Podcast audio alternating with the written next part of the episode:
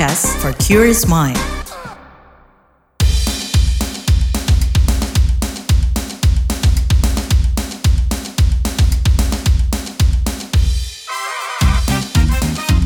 What's Trending KBR Pagi, siaran pagi radio paling update.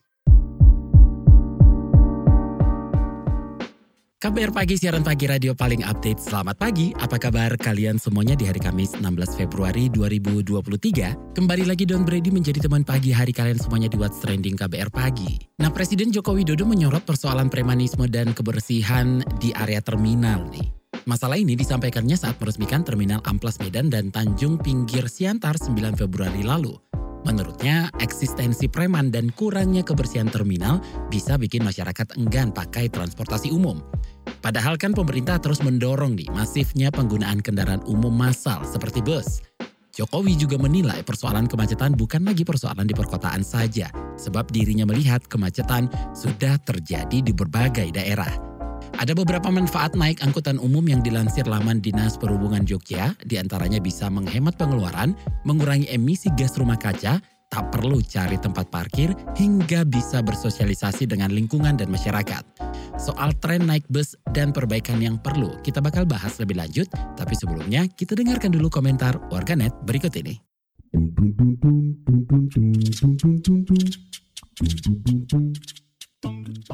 Pertama ke akun at the REXX. Jika kepala daerah kalian tidak bisa mengubah wilayah, tidak bisa mengubah perekonomian, stagnan, tetap jalan berlubang, sampah menumpuk kumuh di pinggir jalan, PKL, memakai bahu jalan, perempatan jadi terminal, dan sarang preman, itu ciri awal kepala daerah kalian korupsi. At JustXX, apa yang terlintas di kepala jika mendengar kata terminal? Kumuh, panas, fasilitas adanya ya kan? Tapi ini beda, terminal Pulau Gebang tawarkan pengalaman baru, salah satu terminal ternyaman yang pernah saya kunjungi. At sekitar XX, Wali Kota Solo sulap terminal kumuh, Tirtonadi jadi lebih modern. Masyarakat mempunyai hak yang sama dalam memperoleh layanan publik. Di mata masyarakat, kesan terminal yang kumuh gelap semrawut. At Danar XX, terminal kumuh tidak tersentuh perbaikan. At Rahmat XX, bis angkot udah bagus tapi sayangnya terminalnya kumuh. At Dani XX, sarang premanisme. At Iwana XX, semoga pembangunan infrastruktur berjalan lancar dan tak ada lagi bandara mirip terminal, stasiun kumuh, terminal buruk, dan lain-lain. Yang terakhir, at Santi XX,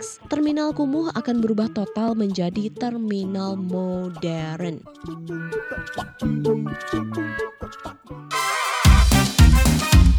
What's Trending KBR Pagi, siaran pagi radio paling update.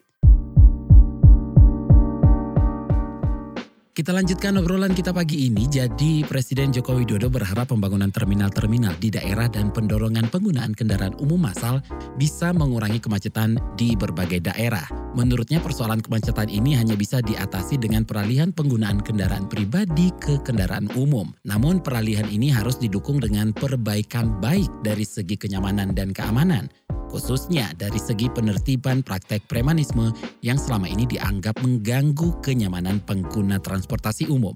Berikut penuturannya. Kemacetan sekarang ini tidak hanya terjadi di Jakarta, tetapi juga di luar Jakarta, kota-kota besar, misalnya Medan, Bandung, Surabaya, Makassar, dan kota-kota besar yang lainnya mulai mengalami macet yang sudah mulai harus kita perhatikan. Sehingga fasilitas yang namanya terminal bus yang baik, yang bersih, yang nyaman, yang para penumpang itu tidak seperti terminal-terminal yang lalu-lalu kotor, yang banyak premanya, siapa yang mau naik bus. Kalau hal tadi masih terjadi. Saya selalu mendorong untuk masyarakat menggunakan transportasi massal baik itu yang namanya bus antar kota, bus antar pulau, juga transportasi massal di kota-kota besar. Di Jakarta sudah kita mulai MRT, sebentar lagi LRT jadi, sebentar lagi kereta cepat antar kota Jakarta-Bandung juga selesai. Dan kita harapkan kota-kota besar di luar Jakarta harus mulai berpikir ke arah LRT, MRT, dan moda transportasi massal yang lainnya. Kalau tidak, kedahuluan macet, jalan tidak bisa dilebarkan, akhirnya semua orang akan sangat tergantung pada yang namanya kendaraan pribadi. Nah, salah satu pembangunan dan program yang mendorong penggunaan transportasi publik adalah skema transportasi berbasis by the service. Direktur Angkutan Badan Pengelola Transportasi Jabodetabek Tatan Rustandi mengatakan BTS yang sudah diterapkan di Bogor bisa menjadi percontohan untuk daerah-daerah lainnya. Meski belum sempurna, semangat untuk memarakan kendaraan umum dan konektivitas antar daerah perlu didorong dan didukung. Ini dia pernyataan Direktur Angkutan BPTJ Tatan Rustandi di acara BIS Kita, Inspirasi Angkutan Umum Perkotaan Terintegrasi di Bodetabek 1 Februari 2023. By the service ini sebenarnya merupakan perubahan paradigma di dalam mengembangkan kebijakan angkutan umum di perkotaan. Ini diawali di Kementerian Perhubungan itu 2021, dimulai di lima kota sebelum Bogor. Kemudian 2022 masuk ke kota Bogor ya, 2001 akhir di kota Bogor. Ini BTS ini sebenarnya by the service. Jadi kita ingin mimpinya ada sebuah peradaban di dalam angkutan umum. Jadi potret angkutan umum itu di samping modernisasi tapi ada peradaban di mana di situ ada digitalisasi, di situ ada kenyamanan, di situ ada kepastian, kemudian ada safety, kemudian passenger merasa secure menggunakan angkutan umum. Jadi itu yang disebut namanya kesetaraan pelayanan. Jadi orang Bogor atau kota-kota lain bisa menikmati peradaban angkutan umum yang telah terjadi di Jakarta seperti Transjakarta. Jadi tidak kaget lagi. Masyarakat Bogor begitu ke Jakarta sudah tidak kaget karena pelayanan sudah setara. Nah, kalau bahasa Sundanya itu equality level of service. Kalau layanannya sudah equal, sudah setara, baru kita berbicara kesetaraan konektivitas. Konektivitas kemudian aksesibilitas. Oleh karena itu, orang yang menuju mau menggunakan angkutan bus semestinya ada kolaborasi antara pemerintah pusat dan pemerintah daerah. Pemerintah pusat memberi memberikan subsidi dalam bentuk BTS atau subsidi berbasis layanan. Di satu sisi nanti pemerintah daerah komit membangun fasilitas-fasilitas yang terintegrasi. Bisa saja itu fasilitas bersifat shelter, trotoar, atau barangkali di samping shelter terminal juga terpadu seperti di kota Bogor. Walaupun belum menunjukkan performan bagus, namun inisiasi ini cukup bagus. Newsbeat. Untuk pertama kalinya Arab Saudi akan mengirimkan dua astronot perempuan ke Stasiun Luar Angkasa International Space Station ISS. Rayana Barnawi dan Ali Al-Karni akan dikirimkan sekitar April sampai Juni 2023. Kedua astronot perempuan ini akan bergabung dengan kru misi luar angkasa AX-2 seperti dilansir Inggris Al Arabia. Rayana Barnawi dan Ali Al-Karni dikirim ke Stasiun Luar Angkasa untuk meningkatkan kemampuan nasional di bidang penerbangan luar angkasa biasa. Mereka juga ditugaskan untuk membantu negaranya memanfaatkan peluang di industri luar angkasa global. Sebanyak 131 orang ditetapkan sebagai tersangka atas kasus rubuhnya gedung-gedung selama gempa Turkiye. Wakil Presiden Turkiye Fuat Oktay mengungkapkan 131 orang ini diduga bertanggung jawab atas banyaknya gedung-gedung yang roboh selama gempa terjadi. Menurutnya, pihak berwenang akan menindaklanjuti proses peradilan ini. Melansir Reuters, penanganan dan penindakan para tersangka tersangka akan lebih difokuskan pada kasus-kasus kerusakan berat yang menimbulkan banyak korban. Dikabarkan ada 20 ribu lebih bangunan dan gedung yang rubuh selama bencana gempa bumi itu terjadi. Penggemar BTS yang biasa disapa ARMY dikejutkan oleh rencana tur solo Suga BTS dengan tajuk August di Tour 2023. Indonesia pun tak luput menjadi salah satu tempat Suga menggelar konsernya. Rencananya pria bernama asli Min Yoon Gi ini menggelar konser selama tiga hari mulai dari 26 sampai 28 Mei di Indonesia Convention Exhibition. Agustus di Tour 2023 akan jadi tur solo pertama Suga BTS. Jadwal pertama konser solo salah satu personel BTS itu dijadwalkan pada April 2023 di Amerika Serikat. Setelahnya, Suga akan fokus menggelar konser di wilayah Asia Tenggara seperti Indonesia, Thailand, dan Singapura.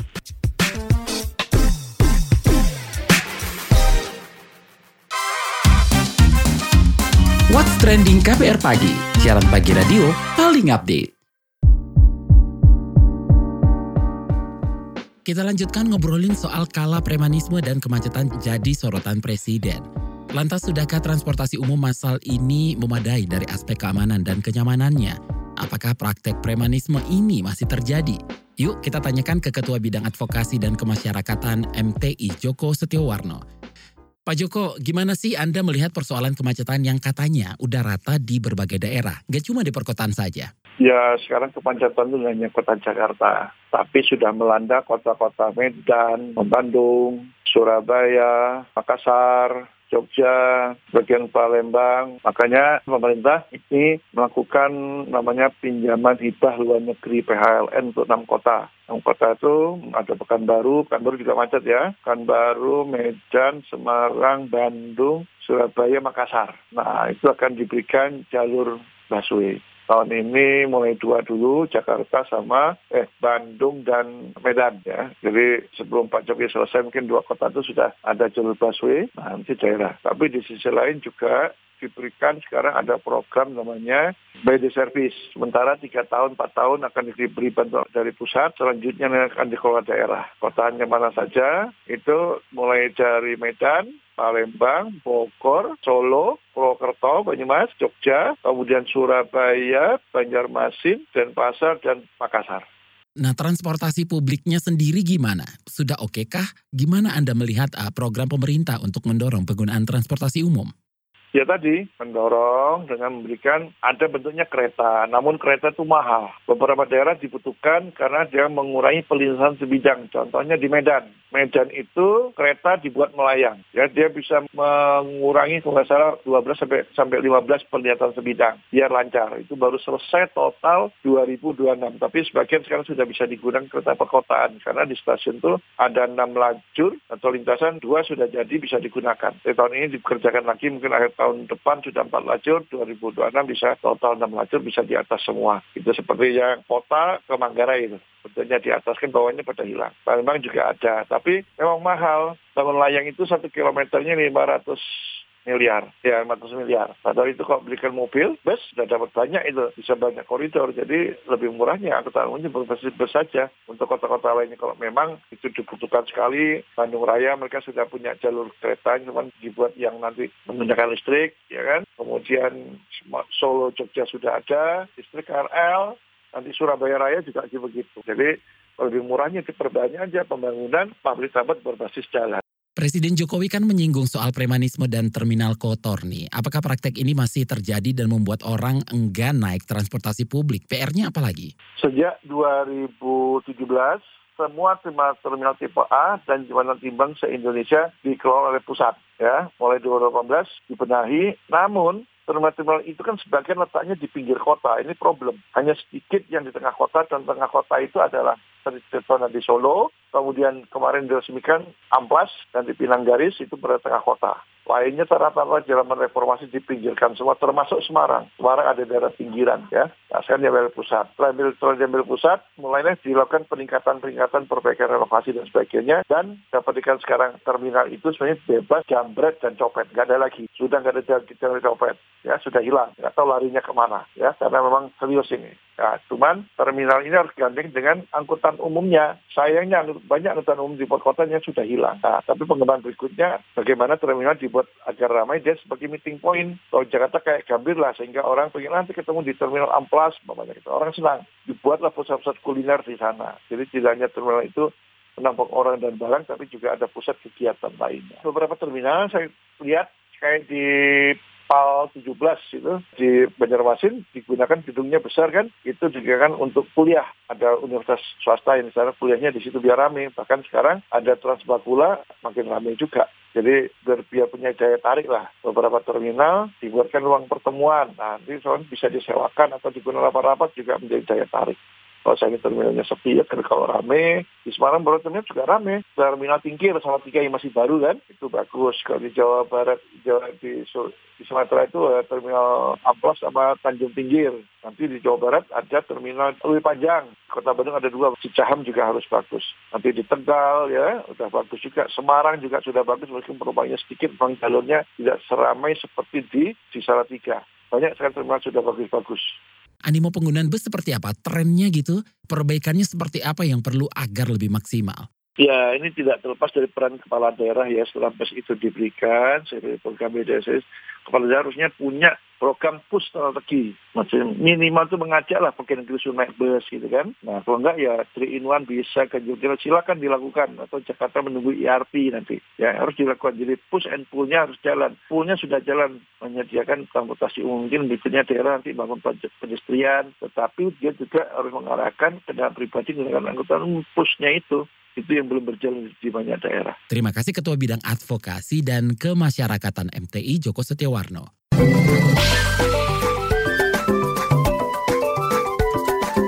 WhatsApp Indonesia. WhatsApp Indonesia dimulai dari Jakarta. Richard Eliezer alias Baradae difonis dengan hukuman satu tahun 6 bulan penjara dalam perkara pembunuhan berencana Nofriansah Yosua Huta Barat atau Brigadir J. Fonis yang diputuskan ini lebih rendah dari tuntutan jaksa penuntut umum, yakni 12 tahun penjara. Hakim Alimin Ribut Sujono mengatakan salah satu alasan yang meringankan Eliezer adalah dia bersedia menjadi saksi pelaku yang bekerja sama atau justice kolaborator. Fonis Eliezer Eliezer lebih rendah dari empat terdakwa lainnya, yaitu Ferdi Sambo difonis mati, Putri Chandrawati 20 tahun penjara, Kuat Ma'ruf 15 tahun, dan Ricky Rizal 13 tahun penjara. Selanjutnya menuju Papua. Pemerintah Indonesia akan terus berusaha semaksimal mungkin untuk melakukan penyelamatan terhadap Sandra Kapten Philips Mark Martin, pilot pesawat Susi Air oleh kelompok bersenjata Papua, pimpinan Egyanus Kogoya di Kabupaten Duga, Papua Pegunungan. Menteri Koordinator Bidang Politik Hukum Keamanan Menko Polhukam Mahfud MD mengatakan pendekatan ini dilakukan karena pemerintah mengutamakan keselamatan Sandra. Selain itu, Mahfud mengatakan pemerintah Indonesia terus melakukan komunikasi dengan pemerintah Selandia Baru untuk memantau dan mengakselerasi penanganan pembebasan Sandera Philips Mark Martin. Terakhir mampir Cirebon, Jawa Barat. PT Kereta Api Indonesia Persero Daop 6 Yogyakarta mengadakan program Happy Valentine pada momen Hari Valentine 14 Februari 2023. Program surat cinta berhadiah ini sempat viral pada 2020. Saat itu surat diberikan oleh kondektur Wilzan Billy Hussein. Program tersebut berlaku untuk perjalanan KA Mataram pada relasi Yogyakarta Kutoarjo. Manajer Humas KAI Daop 6 Yogyakarta, Frantono Wibowo mengatakan kondektur Direktur KA Mataram memberikan pilihan amplop surat cinta kepada penumpang. Di dalam amplop tersebut berisi bermacam-macam hadiah seperti merchandise KAI, coklat, dan bunga. Penumpang yang diberi hadiah merupakan pengguna KAI Akses di mana telah mendownload dan membuat akun pada aplikasi tersebut. Frantono menuturkan program Happy Valentine ini merupakan upaya KAI menunjukkan perhatian dengan cara unik dan berkesan kepada penumpang khususnya pelanggan KA Mataram. Demikian WhatsApp Indonesia hari ini.